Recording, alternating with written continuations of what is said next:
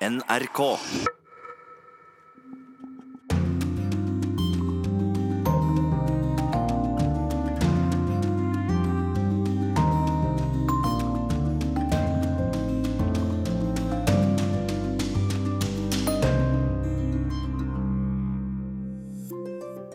Skjebnedag for brexit.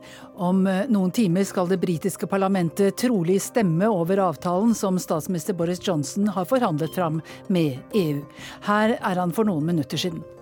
I do hope that in assembling uh, for the purposes of a meaningful vote, that we will indeed be allowed to have a meaningful vote. Voldsomme gatekamper mellom politi og demonstranter i Barcelona i går kveld. I dag kan det bli nye trefninger. Tyrkias president vil fortsette angrepet på Nord-Syria til hver eneste kurdiske soldat er ute av buffersonen. Men hva gjør russerne for å stanse den tyrkiske offensiven? Og ukas korrespondentbrev handler om kurdernes tapte drøm i Syria. Vi kjempet for hele verden mot IS, men verden har forlatt oss, sier en gammel mann jeg møter i en protest mot Tyrkia. Velkommen til Urix på lørdag. Jeg heter Gro Holm. Dagen i dag kan komme til å bli husket som dagen da britenes folkevalgte ble enige om hvordan de skulle forlate EU. Det britiske underhuset skal stemme over den avtalen som statsminister Boris Johnson og EU, litt overraskende får en vel si, ble enige om på torsdag. Det ekstraordinære møtet i Underhuset startet for en halv time siden, og første taler var Johnson selv. But I hope, Mr. Speaker, that this is the moment when we can finally achieve that resolution and reconcile the instincts that compete within us. Ja, her sier Johnson altså at han håper at dette kan være øyeblikket da en løsning eh, vil bli funnet, og de motsetningene som preger eh, britene vil, vil, bli overkommet. Eh, London-korrespondent Øyvind Nyborg, du er på plass foran det britiske parlamentet, og hvordan er stemningen der nå? Her er det en veldig spent eh, stemning. De som er eh, mest høylytte nå, det er folk som eh, har dårlig tid, og som gjerne vil ha britene ut av EU så fort som mulig. Men det samler seg også flere og flere folk her nå som senere i dag skal holde en marsj for en ny folkeavstemning. Ja, Vi skal eh, komme tilbake til det som skjer både inne i parlamentet og utenfor. Men først eh, en liten bakgrunn om hvor de ulike partiene står i forhold til brexit-avtalen som det skal stemmes over. Ikke siden Falklandskrigen i 1982 har politikerne blitt bedt om å komme på jobb på en lørdag. Men så kan også denne dagen bli historisk.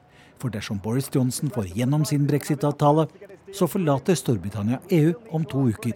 Skulle han ikke klare det, så må han be om en ny utsettelse av utmeldingen. Vi forlater EU 31.10, sier Boris Johnson. Men det blir ikke lett. Um, Avtalen er giftig for vår del, sier Sammy Wilson i Det demokratiske unionistpartiet i Nord-Irland, som frykter at Nord-Irland vil drive vekk fra resten av Storbritannia fordi de vil være med i EUs tollunion. Arbeiderpartiet er også imot. Det er en dårlig avtale som vil undergrave arbeidsfolks rettigheter, sier nestleder John McDonald. Det skotske nasjonalistpartiet, Liberaldemokratene, De Grønne, Plaid og Change UK er alle for EU og imot brexit. Men Boris Johnson ser ut til å ha klart å overbevise de fleste i eget parti. Men de EU-vennlige opprørerne, som tidligere var i det konservative partiet, er usikre. Samtidig vil flere arbeiderpartipolitikere kunne komme til å trosse egen ledelse og stemme for avtalen. Ja, Øyvind eh, Nyborg, du er fortsatt med oss. Hvor sannsynlig er det at eh, det faktisk blir den avstemningen som er planlagt i, i parlamentet i dag? Det er jo ikke alle som vil det. Nei, eh, men akkurat nå er det helt umulig å spå hva som kommer til å skje i dag. På morgenkvisten så fikk vi jo en bekreftelse fra de aller hardeste brexit-forkjemperne i det konservative partiet eh, om at de er for. De har jo stemt nei de andre gangene, så dette er viktig for Johnson. Men det er jo veldig mye motstand. Akkurat nå er det en pingpong her som foregår mellom eh, Boris Johnson og Arbeiderpartileder Jeremy Corbyn inne i parlamentet. Men kanskje blir det Arbeiderpartifolk som er for brexit, som kommer til å avgjøre til slutt, selv om partiet offisielt er imot. Altså, du, du, tror at det faktisk kan være mulig at han klarer å skrape sammen de, de nødvendige stemmene for å, for å få et flertall for avtalen i dag? Uh, nei, men uh, jeg, det jeg prøver å si, er at dette her kommer til å bli uhyre uh, jevnt. og så får vi jo se ved sånn to-tre-tiden i ettermiddag hva som egentlig blir resultatet. Dette kan jo bli historisk og også svært viktig for Boris Johnson, som jo har sagt at han heller vil dø i en grøft enn å utsette brexit. Denne, denne, nye avtalen da, som EU og den britiske regjeringen var enige om på, på torsdag, den innebærer jo at Nord-Irland fortsatt skal være med i det indre markedet. Har, har, Johnson sagt noe mer om hvordan da folk og varer som reiser mellom England og Nord-Irland skal, skal, sjekkes, hvis, hvis, det blir en slags sånn grense mellom, mellom eh, dem? Ja, Boris Johnson gjorde et intervju med de store TV-kanalene her eh, i Downing Street i seint i går kveld. Han, dette er ting han egentlig ikke vil snakke så veldig mye om, men det er jo helt klart at eh, det ikke vil bli noen tollkontroller eller fysisk infrastruktur med gjerder og tollere på den irske øya. Men det kommer til å bli kontroll, og også kontroller ved eh, havnene, enten på da britisk side eller havnene i Nordland, for både folk og de fleste typer varer i denne denne fasen som eh, vi går inn i nå. Hva er alternativene dersom brexit-avtalen blir nedstemt i parlamentet? Eh, på papiret så må da Boris Johnson be om en ny utsettelse fra EU, men det pågår også samtidig et uhyre komplisert spill i parlamentet i dag. Nesten hva skal jeg si, som vanlig. For eh, i siste øyeblikk så har det kommet et eh, forslag som også nå eh, ordstyrer John Burkow har eh, godkjent for eh, avstemning. Den innebærer at det kan bli slik at Boris Johnson blir tvunget til å utsette brexit nærmest uansett. fordi det er jo ikke bare denne brexit-avtalen, det er en lang rekke lover som må passere parlamentet for at brexit eh, skal skje. Det holder bare ikke med et ja til, til dagens utmeldingsavtale. Og dette lovforslaget eh, som nå kommer opp til avstemning i dag, den går ut på at regjeringen må be eh, om en utsettelse av brexit dersom noe f.eks. uforutsett eller galt skulle skje med den lovgivningen som skal til for at Storbritannia skal forlate EU. Så her er siste ord ikke sagt. Så det som så ut eh, til å være eh, make or break eh, for Boris Johnsons avtale, kan bli enda mer brexit-kaos når vi går og legger oss i kveld. Øyvind Nyborg, det er kort tid igjen, men hvis du skulle vedde, tror du britene kommer til å feire jul med Boris Johnson som statsminister i år? Ja, jeg tror det er stor sannsynlighet for, de, fordi, eh, sannsynlighet for det. fordi når han har spilt veldig tøff overfor EU, og hvis han eh, samtidig klarer å få gjennomslag for å ta britene ut om 14 dager, så er sjansen stor. For på den måten kan han også unngå lekkasje av velgere til brexit-partiet, som er de konservatives største trussel akkurat nå. Så får vi se om denne masterplanen til Johnson går igjennom, eller om han rett og slett er nødt for å bite i det sure eplet. Takk til deg, Øyvind Nyborg.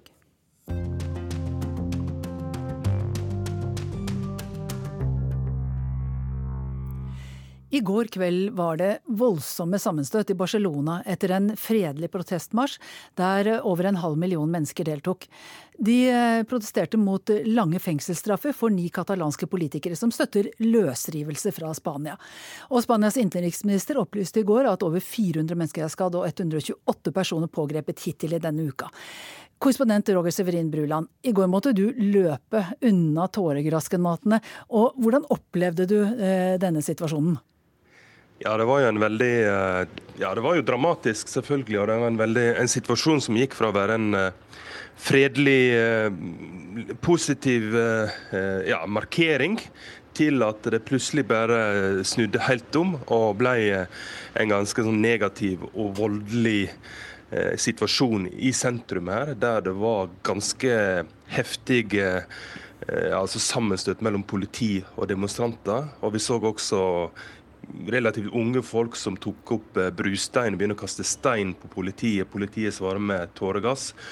Og det, gikk, det bølga fram og tilbake i ulike kvartal, så det var veldig vanskelig å vite eh, hvor en skulle gå. Eh, så vi endte jo faktisk opp eh, på et hotell ja, kanskje 200 meter fra det hotellet vi bor på. Og vi måtte bare søke tilflukt der i løpet av natta. For utover kvelden så kom jo det nasjonale politiet med skjold og, og kølle. Og da var ikke det råd å bevege seg utendørs. Så Eh, han Fotografen jeg hadde med meg, han sier jo det at eh, han er jo født og oppvokst i Barcelona, men han har aldri sett noe sånt eh, her i Barcelona.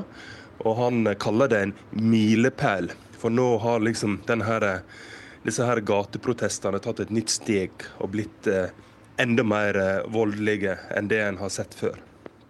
Hvordan ser det ut i, ute i Barcelonas gate akkurat nå i, på formiddagen?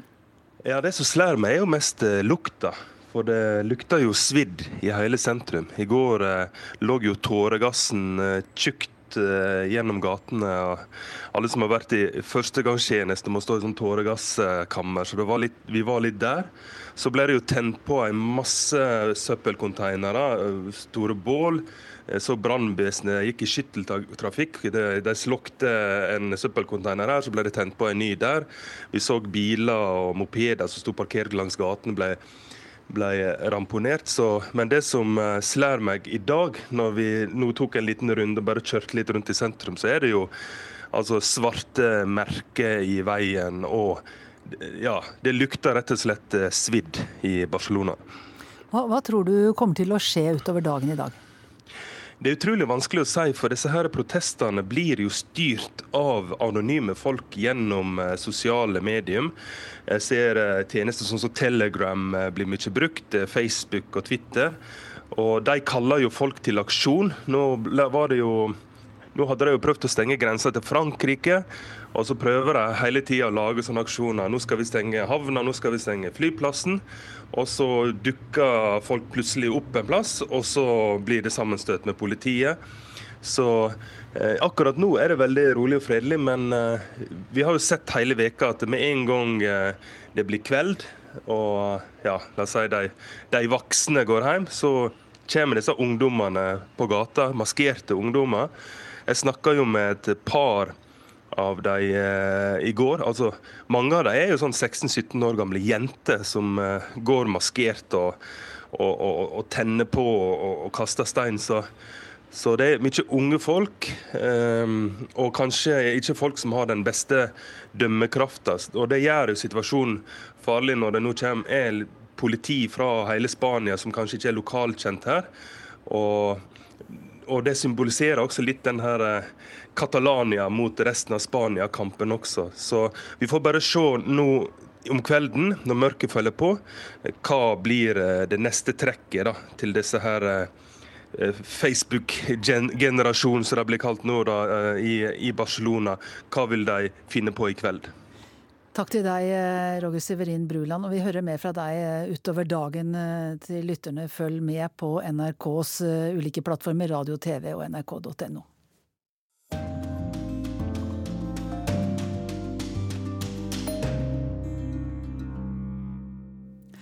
Tyrkia eh, vil gjenoppta militæroperasjonen i Nord-Syria når våpenhvilen, utløper om tre dager, dersom ikke de kurdiske styrkene uten unntak er ute av en 30 km dyp buffersone. Det sa Tyrkias president Recep Tayyip Erdogan i går.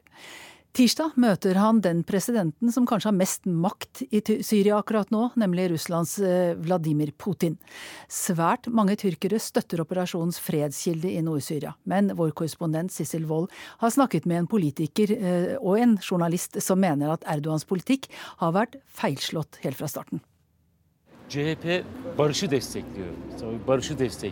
Vi i CHP er for fred og dialog og jeg håper at ledelsen vår snart kommer til fornuft, sier Mustafa Balbey til NRK. Balbey er parlamentariker fra opposisjonspartiet CHP, men er også en kjent journalist og forfatter i Tyrkia. Vi sitter med hvert vårt teglass på små stoler under et tre på det brede fortauet i bydelen som kalles Lille Aleppo i grensebyen Shanli Urfa. Balbey er relativt mild i formen. Muligens fordi kritikere av president Erdogans militære operasjon i Nord-Syria blir kraftig satt på plass. Da en annen folkevalgt fra CHP, Seskin Tanrikolo, tvitret at mens Tyrkia kunne ha løst den kurdiske saken gjennom dialog, har regjeringen dratt oss inn i en sump. Krig er død, krig er smerte, krig er blod. Dette var en av tweetene som førte til at myndighetene åpnet etterforskning av Tanrikolo, som også er menneskerettighetsadvokat.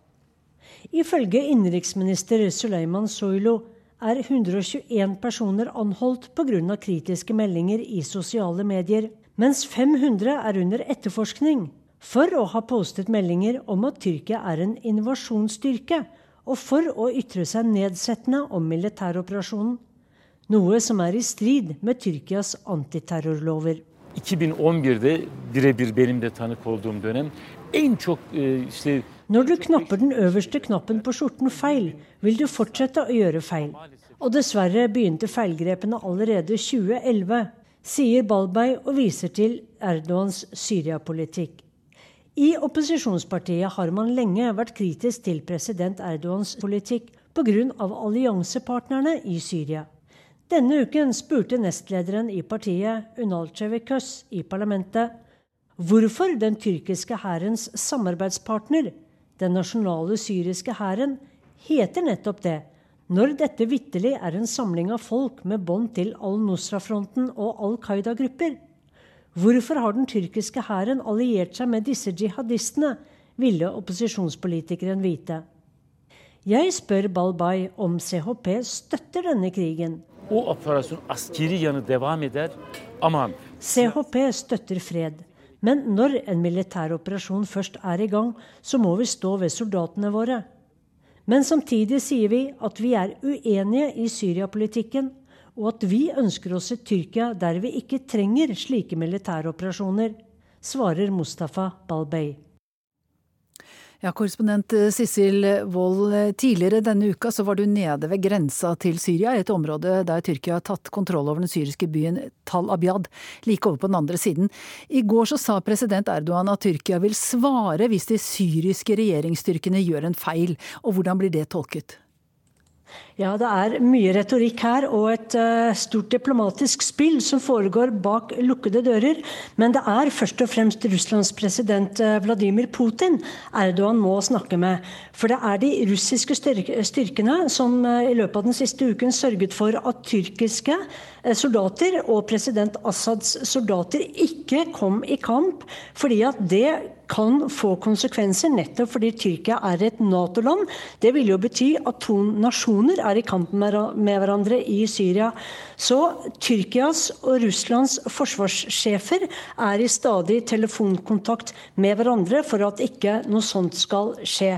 Men alles øyne her er rettet mot Sotsji på tirsdag når president Erdogan skal møte Putin, eh, fordi at det er Putin og ikke Assad og den syriske hæren som er de som virkelig bestemmer i eh, Syria nå.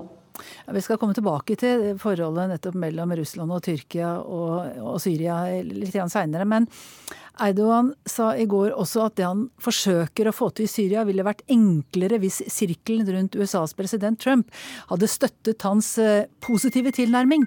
Og hva slags støtte er det egentlig han forventer seg? Ja, Erdogan har fått alt det han vil fra USA nå, bortsett fra dette oppsiktsvekkende og barnslige brevet fra Donald Trump som gjorde Erdogan rasende. Eh, og da Trump har tvitret denne uken og har sagt eh, Alt det han har sagt, er jo hentet fra Erdogans vokabular.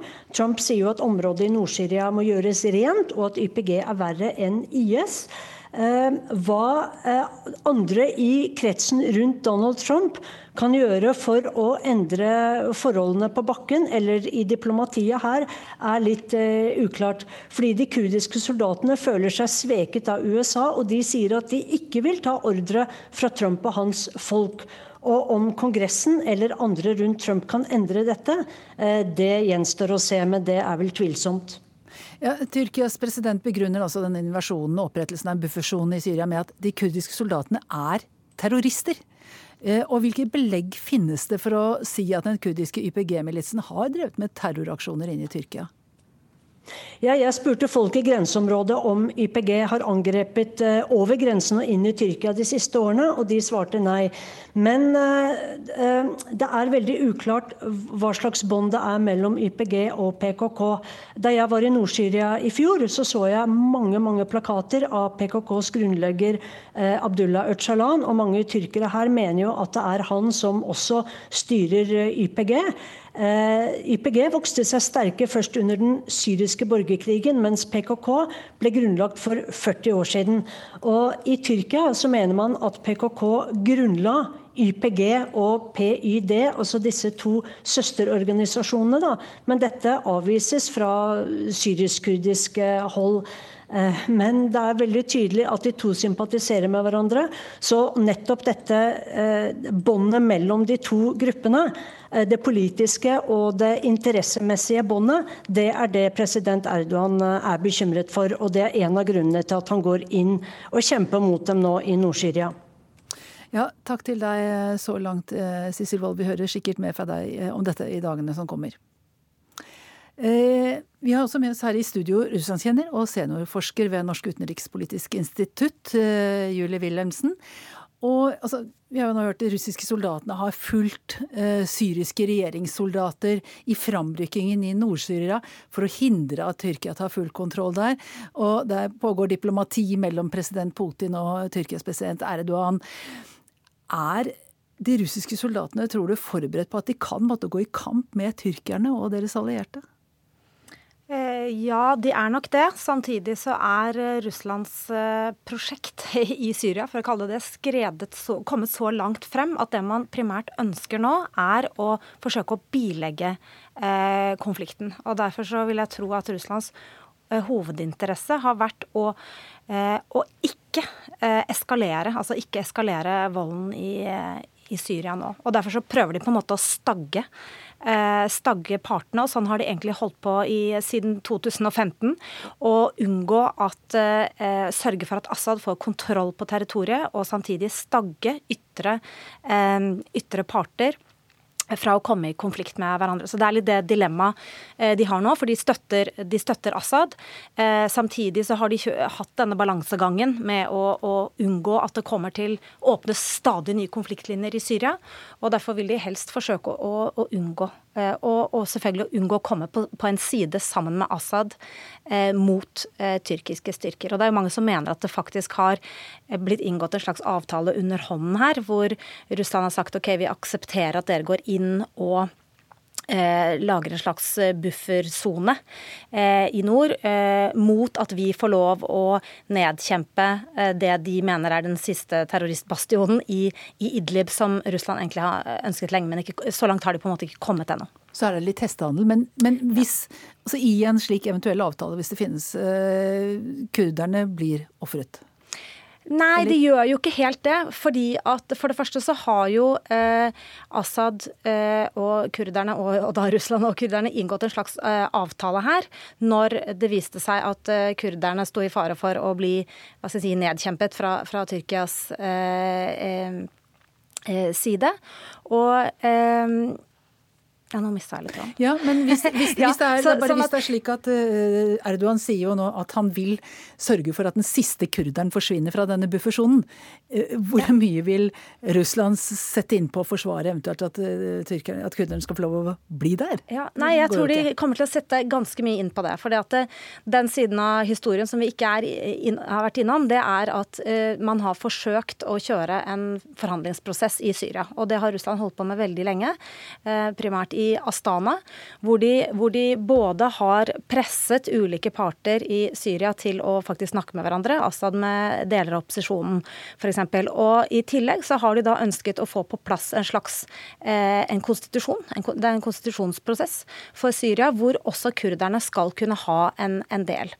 Eh, og en plass eh, i Syria. Så, det, så her, det, her, har Russland fått en rolle som de er interessert i å fortsette å spille, som på dette tidspunktet dreier seg om å være en slags fredsmegler og få på plass en løsning for Syria.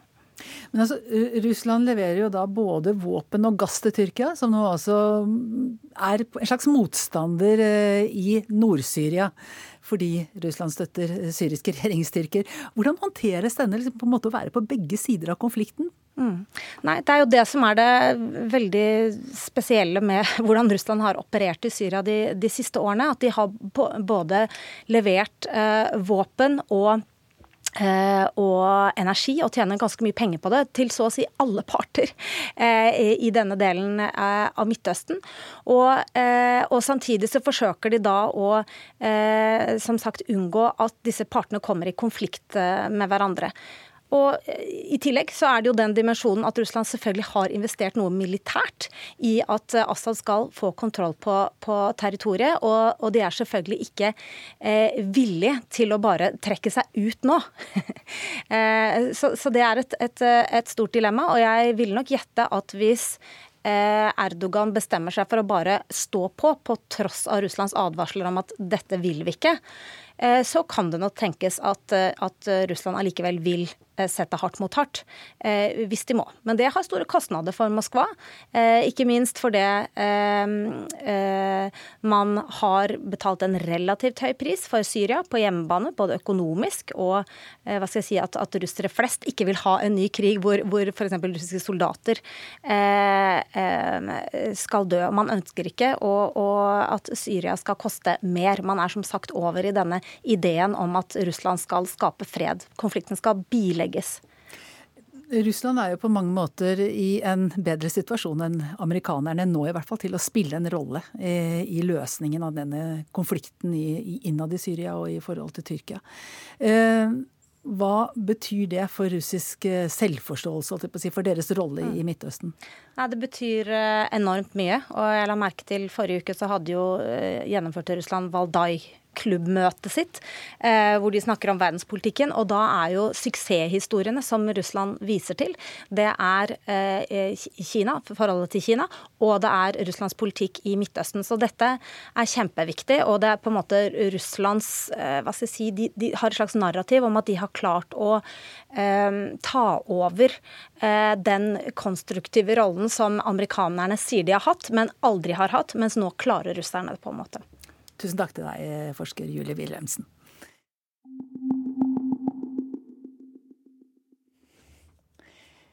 Brevet denne uka er fra vår Midtøsten-korrespondent Kristin Solberg og handler om en tapt drøm, nemlig kurdernes drøm om Rojava, en kurdisk selvstyrt provins i Nord-Syria. Hun kommer til meg der jeg sitter alene i sofaen i hotellobbyen, sier ikke et ord, men strekker fram den lille hånden fingrene brettet rundt en gave. To overstrykningspenner, en grønn og en rosa. Gelke spas, sier jeg, kurdisk for tusen takk, og hun smiler sjenert og løper bort til døren, der foreldrene og lillebroren venter ved noen bager. Jeg vet ikke hvorfor hun gir meg pennene, men kanskje vet hun at jeg er journalist, og hun har lyst til å hjelpe meg i arbeidet. Jeg lurer på hva hun ellers vet. Vet hun at det er krig? Antakelig. Men vet hun at alt snart er slutt? Faren hennes, en fysikklærer, kom til hotellet der jeg bor sent i går kveld, men det lille familien hadde rukket å pakke sammen av eiendeler. Vi er i grensebyen Derrik i Nord-Syria, og krigen er nettopp kommet. Den er lenge varslet og lenge fryktet, men en krig kommer alltid bare på én måte. Plutselig. Voldsomt. Jeg vinker til familien der de går ut døren, raskt, for kloden har akkurat dreid seg slik at solen gir lys, og de vil rekke grensen så snart som mulig, før alt rakner. De har ikke tillatelse til å krysse inn i Irak, så de vet ikke om de kommer seg i trygghet, eller om de må bli værende her i krigen. Men det er ikke noe alternativ ikke å prøve, for barna, de må ut, sier faren.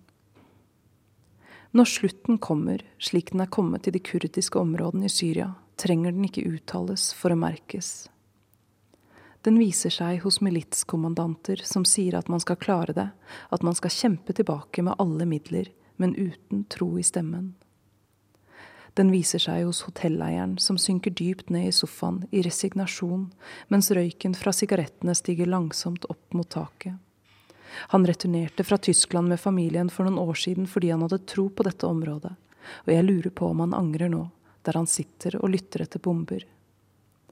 Den viser seg i TV-skjermene som aldri hviler, aldri viser fotball eller såpeoperaer slik de pleier, men nyheter om hvor de siste bombene har falt.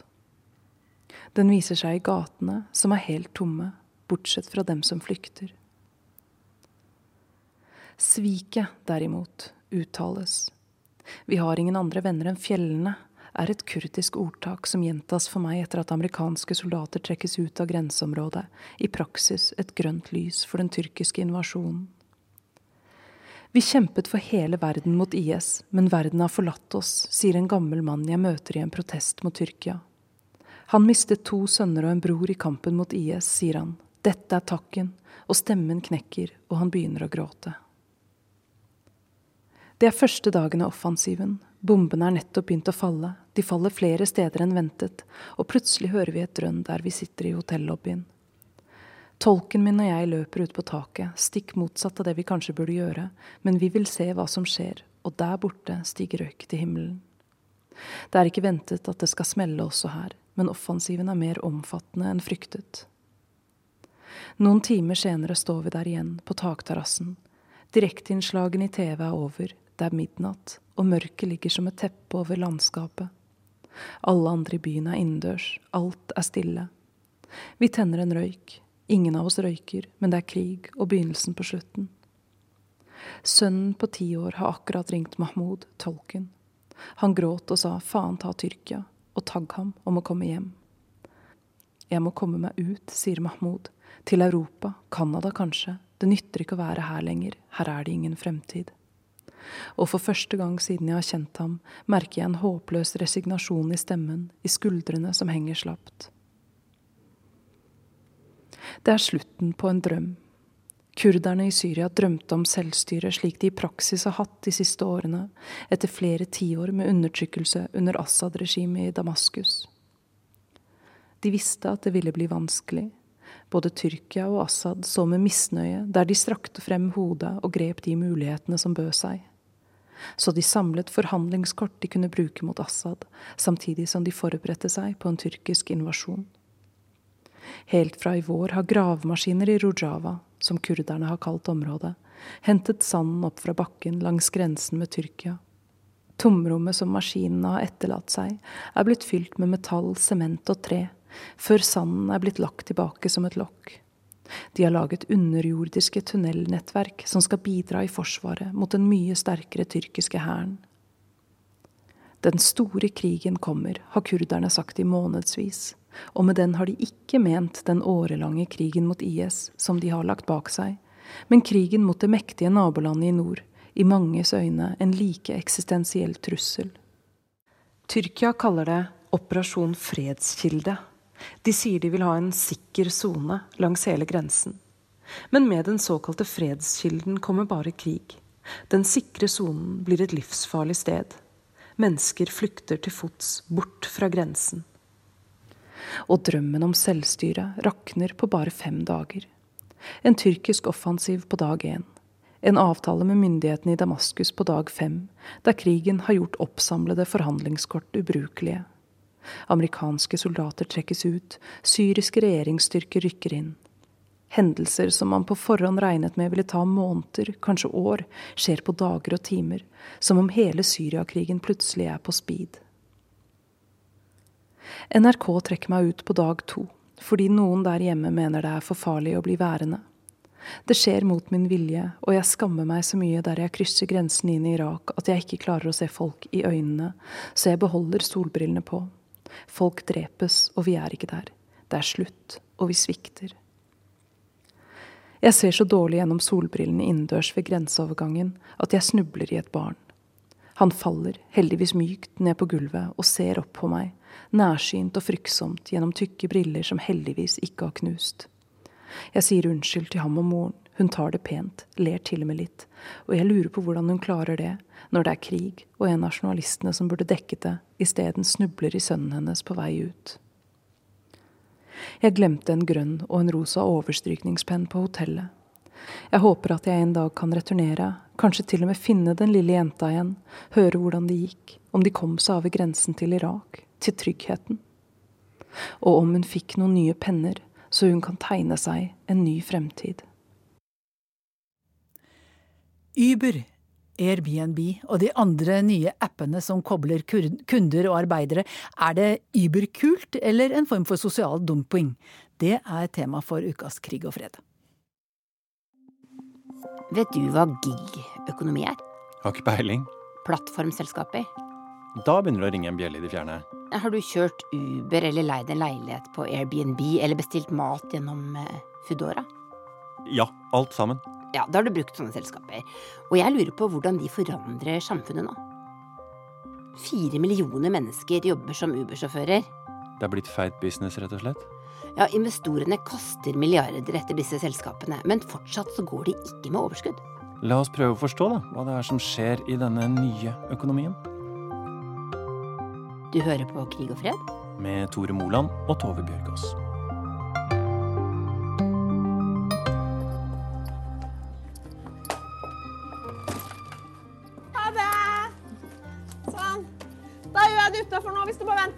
Venter du, Gunnar, så bestiller jeg en Uber.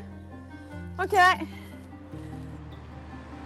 Jeg heter Veronica Westrin og er korrespondent for NRK i USA. Sånn. Da er jeg her. Da er du der, Veronica. Ja. ja hva, hva, hva, skjer nå? Da uh, skal jeg bestille en Uber her. Da går jeg inn i denne appen min.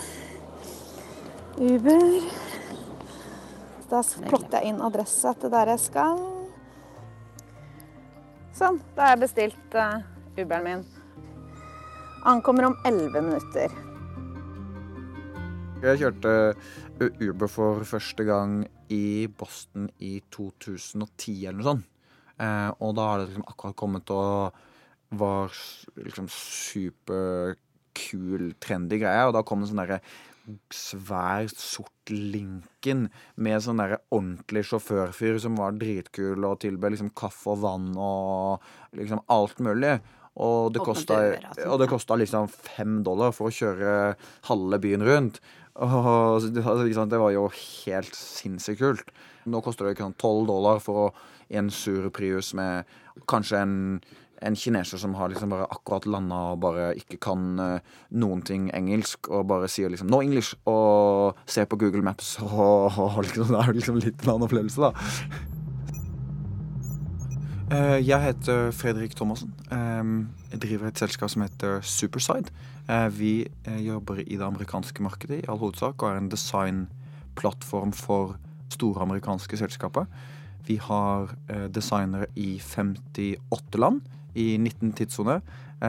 og er med i da, fortroppen på denne gig economy-revolusjonen, eller remote work, eller hva man måtte kalle det. Så alle som jobber hos deg, er ansatt, eller har du frilansere? Så vi har litt Vi har eh, kontraktuelt en liten miks. Eh, I 58 land så er det vanskelig å sette opp firmaer i alle landene, men i en del land så har vi satt opp firmaer hvor vi da har eh, ansatte. Hva er egentlig gig-økonomien? Gig-økonomien er plattformer som kobler sammen arbeidere og kunder eh, til å gjøre mindre oppdrag. Eh, hvor eh, prosjektet eller taxituren eller oppdraget er i snakk om mindre timer, da. Eh, og hvor det er til forskjell fra en fast eh, jobb som, som, på en måte er mer over tid. Du bor i, i, San Francisco deler av, av året. I, I, din hverdag, hva slags andre Eller slags, hvordan, hvordan, preger disse selskapene som Uber da din hverdag? Er det andre selskaper også som du bruker når du er der? Eh, San Francisco har jo utviklet seg til et ekstremt spesielt sted, hvor det er mange mennesker som har utrolig mye penger, og så er på en måte resten av økonomien i si, San Francisco Bay Area nærmest liksom tjenesteytere til disse som har tjent masse på Eh, på teknologi og, sånn og er med på den. Ja, ja. Uh, ja ikke riktig ennå, men uh, kanskje en gang i fremtiden at vi også um, blir like store som, som uh, Uber. I, i alle fall så bruker jo veldig mange da disse tjenestetilbudene på alle aspekter i livet. ikke sant? Man bruker Uber og Lyft til, til drosje. Man bruker DoorDash kanskje til uh, matlevering, eller Instacart til dagligvare. Uh, man bruker Airbnb til overnattinger.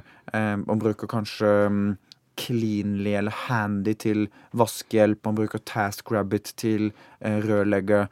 Så, så, de fleste aspekter av eh, av livet til en høyt betalt San Francisco-innbygger kan dekkes av, dekkes av eh, en markedsplass eller en, en gig economy-plattform eh, på et eller annet vis.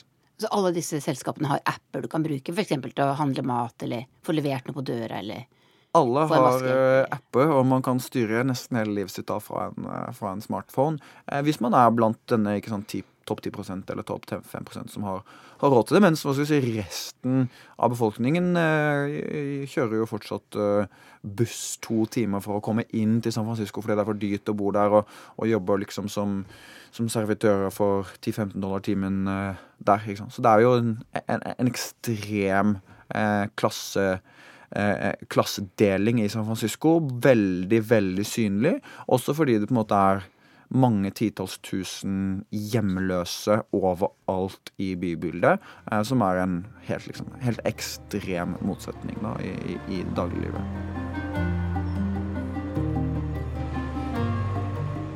Hva slags bil er det som kommer, Ja? Står det det også? Nei, det er skal vi se Det er en Toyota Rav 4. Der ser det ut som Der ser jeg en bil. Skal vi se her. Jepp. Der, ja. Det er den. Da gi han et signal her. Hi, good morning. Good morning. Hi.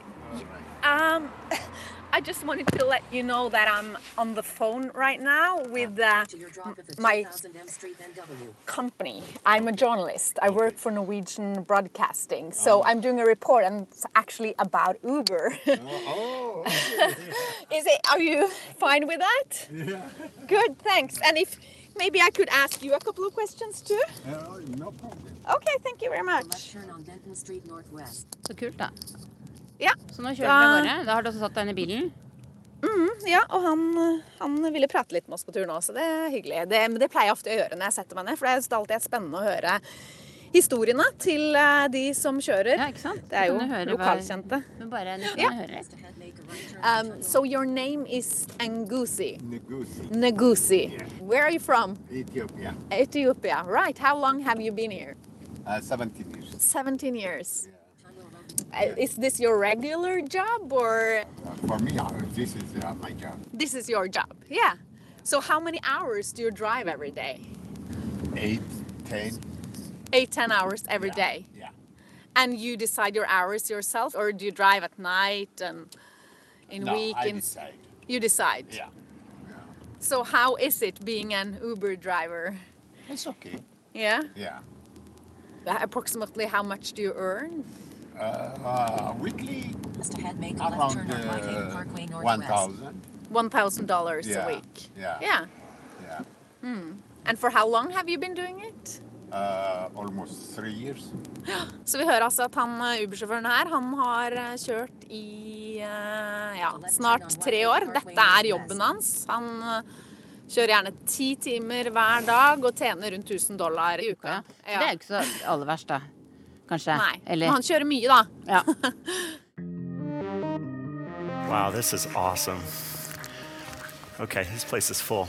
Um, All right, so good to meet all of you. My name is Travis Kalanick, uh, co-founder CEO of Uber. Travis Kalanick var lei av at det var så dyrt å leie bil med sjåfør i California. Så i 2009 utvikla han appen Uber, som gjorde det mulig for sjåfører å formidle tjenestene sine gjennom et GPS-styrt system. Kalanick ble milliardær ganske fort, men også kjent for noen litt mer usympatiske trekk. I 2017 ble han filma da han sjøl satt i baksetet på en Uber mellom to vakre kvinner.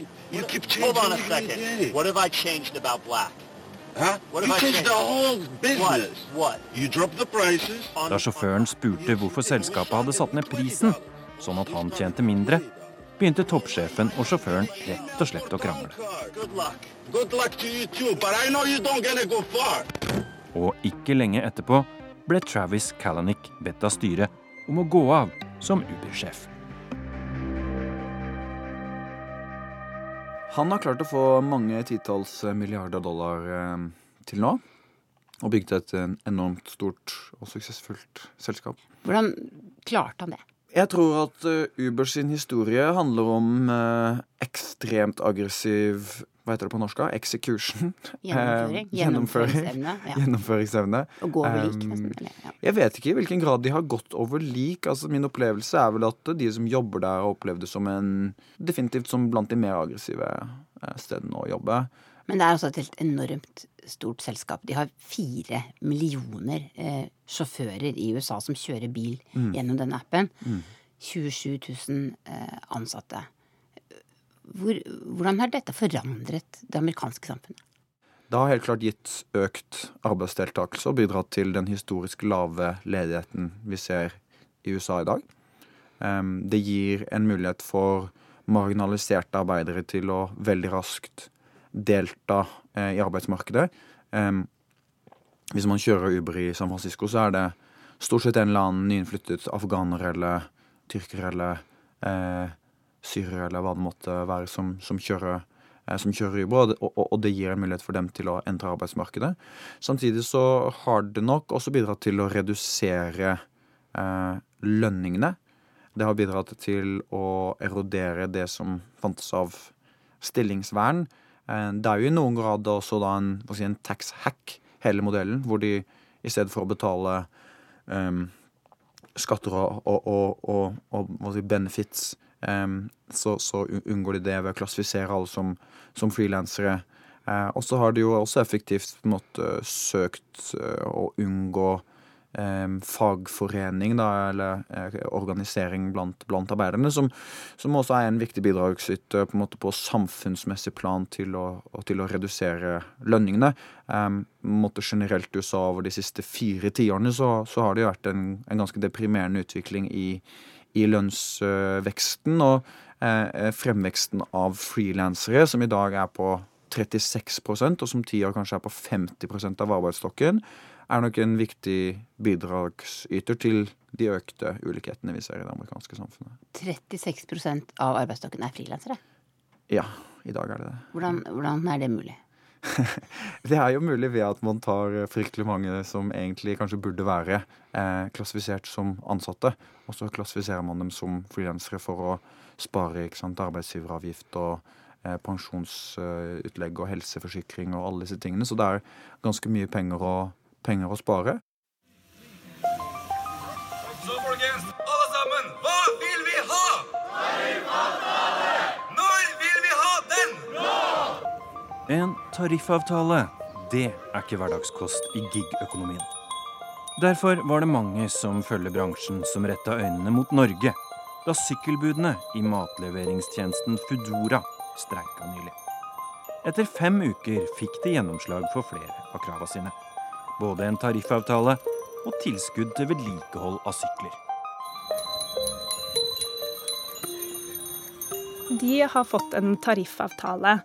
Og det er jo noe som skiller noen av disse plattformene i Norge fra i andre land, i og med at Fodora eh, ansetter, eller anser sine plattformarbeidere som ansatte.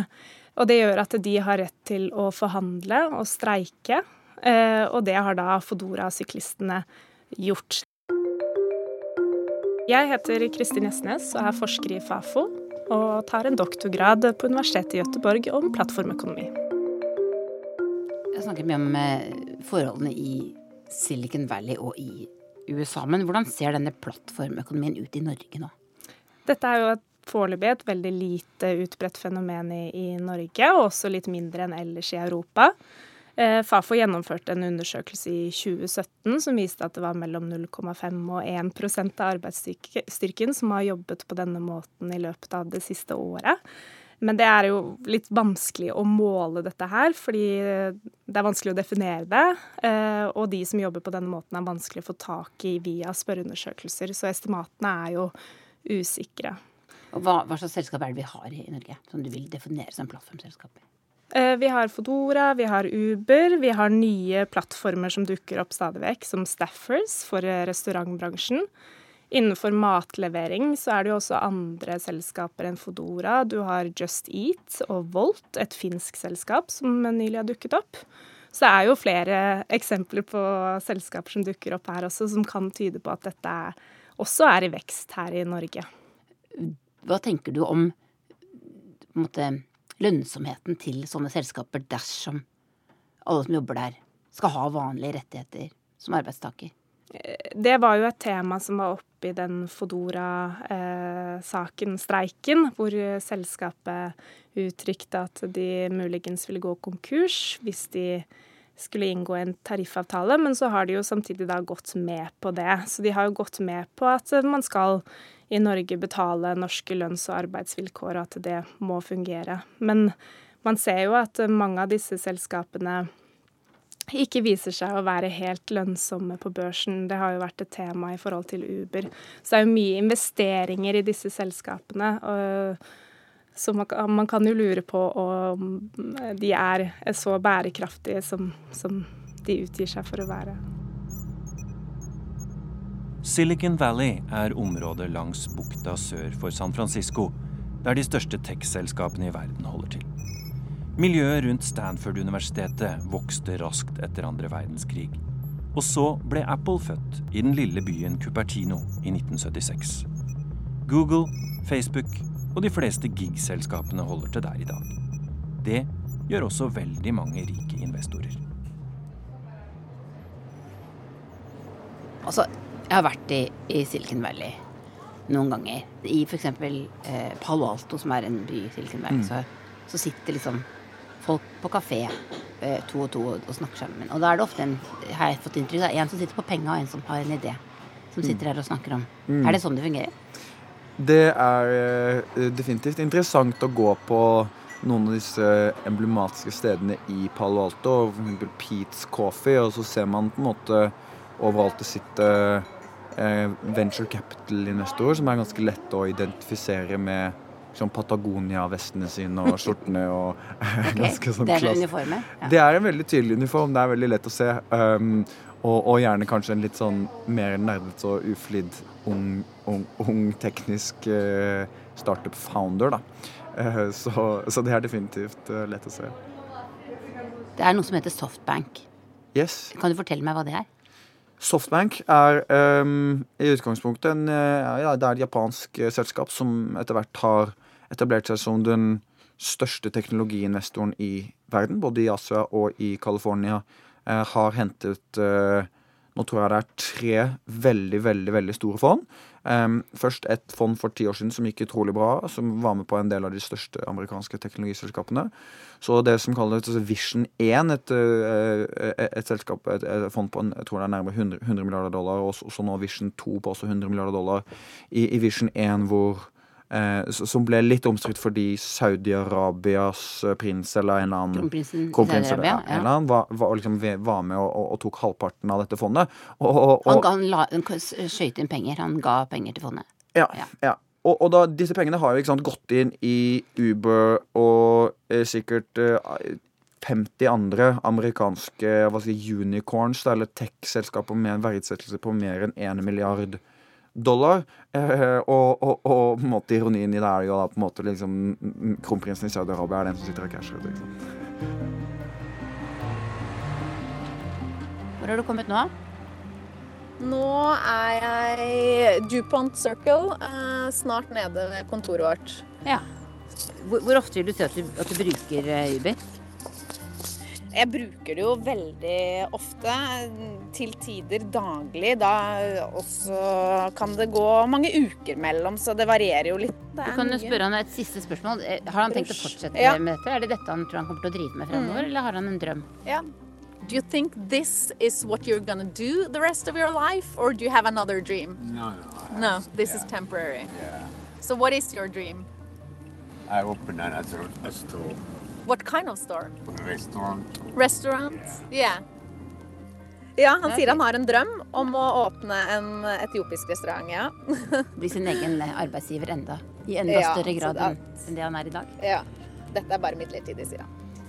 Thank you so much. All right. Thank you. I hope. Yeah, me too. I hope you'll Have a nice day. I love cu- customers. Okay, thank you.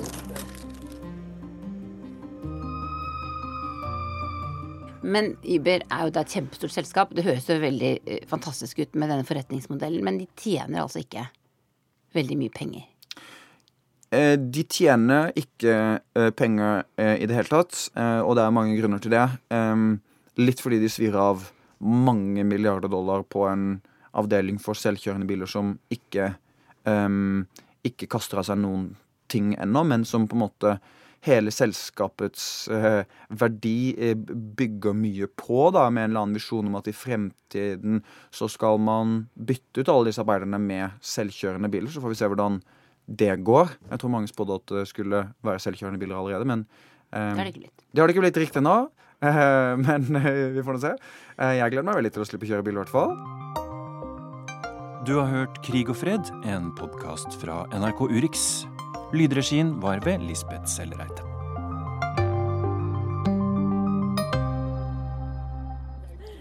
Okay, and you'll be on Norwegian radio. All right. Can I?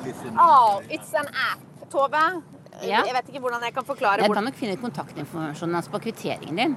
Så vi kan jo sende han en okay. lenke. Okay, thank you. Bye! er teknisk ansvarlig for Urix på lørdag, Lisbeth Sellreite, produsent Tonje Grimstad, i studio Gro Holm.